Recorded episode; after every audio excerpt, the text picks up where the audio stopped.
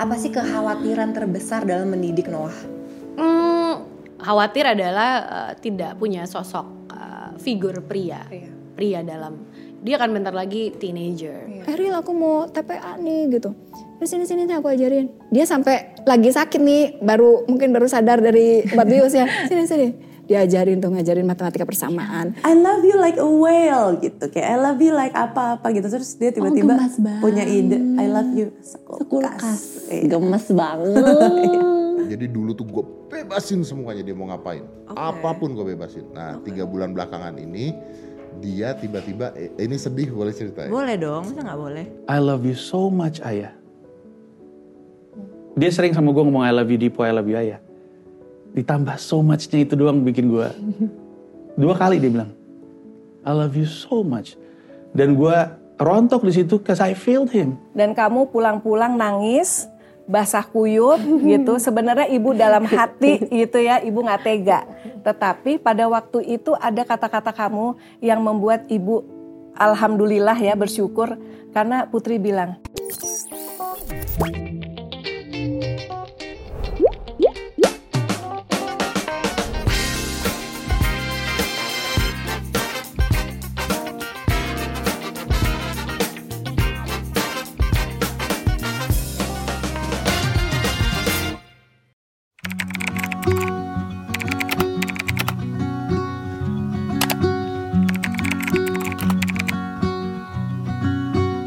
dan yang pembelajaran yang mungkin eh, di situ ibu merasa lega banget itu adalah pada waktu kamu eh, minta sponsor. Oh iya, buat minta kreatif partner ya waktu ah, itu. Untuk kreatif partner. Waktu IO. Nah, waktu IO. Nah, pada waktu itu Putri datang itu dengan basah kuyup. Oh iya, benar. Udah berjam-jam gitu.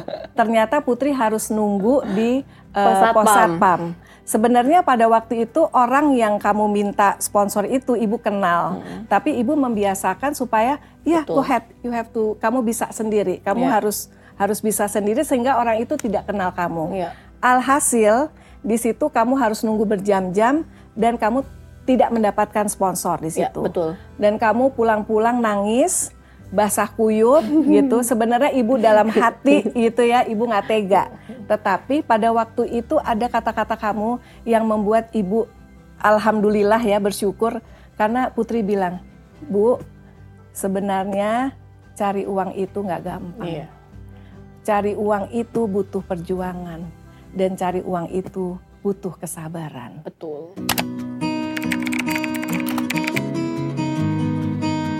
Kalau nggak talking about Noah, kan sekarang kalau nggak menjalani dua peran Iya. sebagai ibu Yes. dan sebagai ayah. Apa sih kekhawatiran terbesar dalam mendidik Noah? Hmm, kalau khawatir ya nih, eh, khawatir adalah eh, tidak punya sosok eh, figur pria, pria dalam. Dia akan bentar lagi teenager, dan nggak tahu tuh what's going on dengan with the, the body, Iya. the mind Iya. gitu kan nanti kalau suka cewek gimana kan karena gimana pun juga kan perempuan ya responnya pasti beda. Iya. Itu sih, itu sih yang yang terberat dan yang takut juga ya. Tapi I think sekarang kayak ada channel di YouTube gitu yang dia kehilangan orang tuanya, kehilangan bapaknya waktu dia muda. Jadi dia belajar untuk gimana caranya. Jadi dia punya channel nih, ada orang punya channel, dia itu ngasih tahu gimana caranya misalnya benerin ledeng gitu.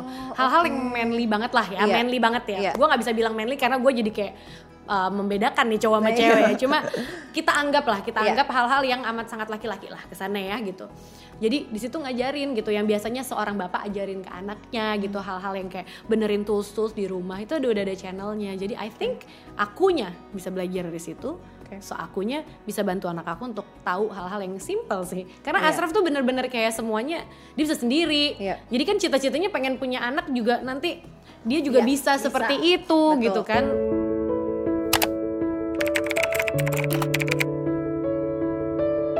itu kayak yang pas udah selesai itu yang aku gemeter tuh kayak ngeril karena dia ngajarin aku loh jadi bayangin gini ya dia kan anaknya teknik banget Iya. dia tuh jadi kalau kalau mau terus terang yang pintar tuh sebenarnya Ariel. Pintar banget. Dia tuh kalau nonton film eh, kali tayangan kedua dia nonton dia apa sampai kata-kata yang diucapkan oleh si artis Luar ya, biasa. gitu ya. Terus dia tuh yang matematikanya tuh tinggi banget sampai Iya. sekarang pun dosen di ITB-nya selalu sering mengatakan Ariel tuh jago banget tuh fisiknya gitu ya. Seperti itu. Nah Ariel ini dia kuat di eh, te- di teknik lah ya di hitungan dia tuh kuat segala macam di otak kirinya dia tuh kuat banget jadi aku tuh yang ngajarin dulu untuk masuk dan mendorong aku untuk kuliah dari mulai S2 S3 tuh dia jadi dia yang bercandain mama "Kok cuma satu sih gitu tuh papa aja S2 gitu terus aku yang tapi di sini tuh kayak sering banget terus aku bilang, ya udah deh aku sekolah gitu Jadinya yaudah, yang S3 juga pressure. sama iya jadi kayak Bu, pressure yang baik loh Ya, itu. Tapi dia nggak cuman gitu, dia ngajarin aku. Luar biasa. Jadi sampai dia lagi sakit, coba di rumah sakit. Eril aku mau TPA nih gitu. Terus sini sini nih aku ajarin. Dia sampai lagi sakit nih, baru mungkin baru sadar dari obat bius ya. Sini sini. Dia ajarin tuh ngajarin matematika persamaan. Kayak gitu. Jadi aku tuh kayak berat banget pada waktu lulus itu ya. Kayak long, tapi aduh ini tuh harus aku bareng gitu Iya, sama dia iya. gitu ya. Nah itu sih, tapi ya itu mungkin dia memberikan ruang itu supaya aku cepat lulus juga. Jadi Iya. dia tuh kayak yang ngasih jalan aja gitu. Jadi meskipun dia sudah tiada, tapi itu yang namanya kebaikannya itu terus mengalir buat saya khususnya dengan keluarga semua.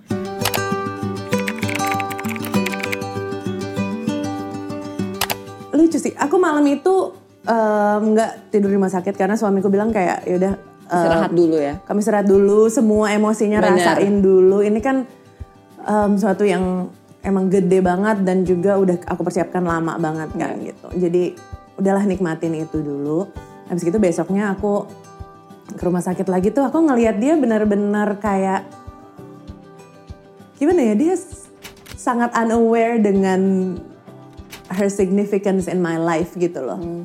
Bahkan semalamnya tuh dia bikin satu stadion nangis dan Iya. kayak jutaan orang di TikTok pada Betul, nangis gitu betul. loh kayak bahkan dia nggak sadar itu dia, dia hanya lagi diinfus aja di rumah sakit gitu kayak aku bener-bener pecah sih pas aku ketemu dia lagi gitu. Iya dan dia juga kayak langsung kangen gitu kan Iya. karena um, abis ditinggalin di rumah sakit mungkin dia perasaannya nggak menentu gitu. Terus kamu ceritain nggak konsernya gimana? Aku ceritain tapi dia tuh kan dia ada FOMO-nya gitu karena dia tuh udah Dia nggak bisa datang ya? Iya sebenarnya dia tuh udah siap, dia udah punya light Aduh, stick, sedih. udah mau pergi sama sepupu sepupunya kayak gitu-gitu udah janjian-janjian kayak anak kecil gitu udah bisa janjian. Iya tapi ya aku cuma cerita yang dia tanya aja gitu karena kalau misalkan aku cerita-cerita gitu dia kadang-kadang FOMO ya? FOMO bete gitu kasihan. Sad. Tapi lucunya pas aku di kan aku langsung ke rumah sakit. Terus tuh suster-susternya tuh ternyata mungkin lihat TikTok kali ya Iya. gitu kayak langsung kayak Zalina love you sekulkas gitu Oh, gitu terus kayak iya bener suster-susternya kayak pada Zalina kemarin kirim voice note ya buat mama di konser kayak gitu banget. Sebenernya tuh kenapa sekul sekulkas sih sis? Iya, jadi setiap kita setiap mau pisah nih kayak bye gitu, terus bye I love you, I owe you dia bilang gitu kan. Abis gitu dia punya kon, kita punya konsep. Aku nggak tahu ya mulainya gimana. Pokoknya kita gede-gedean Oh, oke, love-nya. love-nya. Mm-mm. Jadi, Jadi kayak tadi tuh, lah ya. Iya, jadi aku sebelum ke sini, iya dia tadi kayak I love you like a whale gitu, kayak I love you like apa-apa gitu. Terus dia tiba-tiba gemas banget. punya ide I love you sekulkas. Sekulkas. Iya. Gemes banget.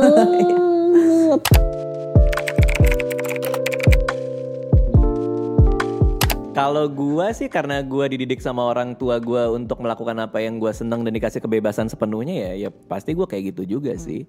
Karena buat gua anak yang punya kebebasan melakukan apa yang dia mau dan percaya diri melakukan Iya. itu pasti akan jadi sesuatu sih.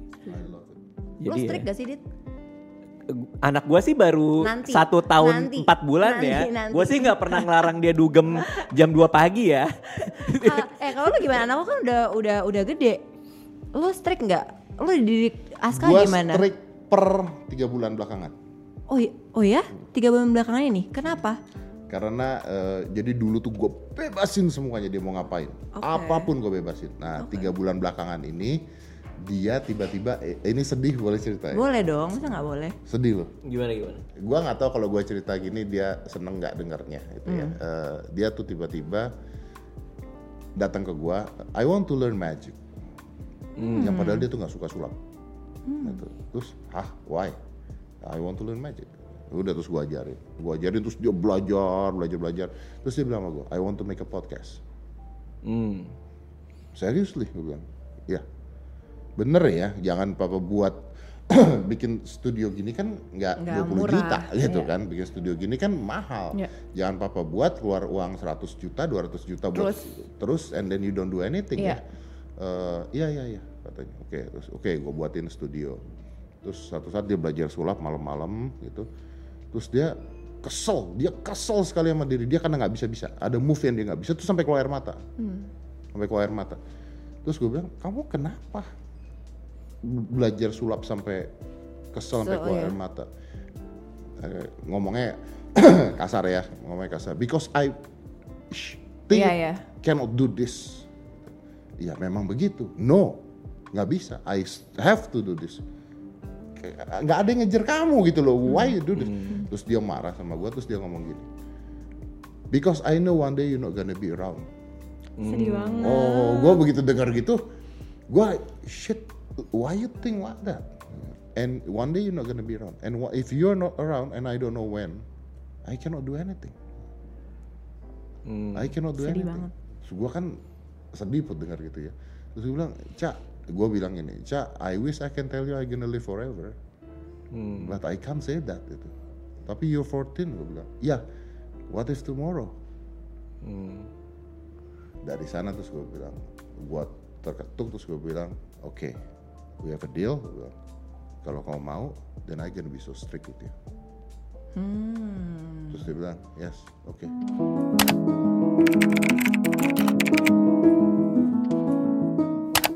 Jadi waktu kemarin itu, anak gue sakit. Anak gue tuh bukan tipe ke anak yang minta. Anak gue nggak pernah minta apa-apa. Semua yang tahu anak gue tahu, anak gue nggak pernah minta. Tiba-tiba dia bilang ayah bisa temenin aku tidur nggak? Dia nelpon bahkan. Tapi gue nggak ngeliat, gue liat teksnya. Dia lagi demam tinggi terus dia peluk tangan gue. Dia udah lama nggak tidur sambil meluk tangan gue. Dia cari, gue lagi duduk, ini tempat tidur, ini gue di sini. Dia cari tangan gue, dia tarik, terus dia peluk. Ini insting yang mungkin muncul lagi karena terakhir dia kayak gitu tuh balita. Terus gue pikir dia tidur, tiba-tiba dia ngomong, I love you so much ayah. Dia sering sama gue ngomong I love you Dipo, I love you ayah. Ditambah so much-nya itu doang bikin gue. Dua kali dia bilang, I love you so much. Dan gue rontok di situ cause I failed him. I didn't protect his health. Gue nggak tahu mesti dibawa ke mana ketika dia sakit. Tapi gue sedih banget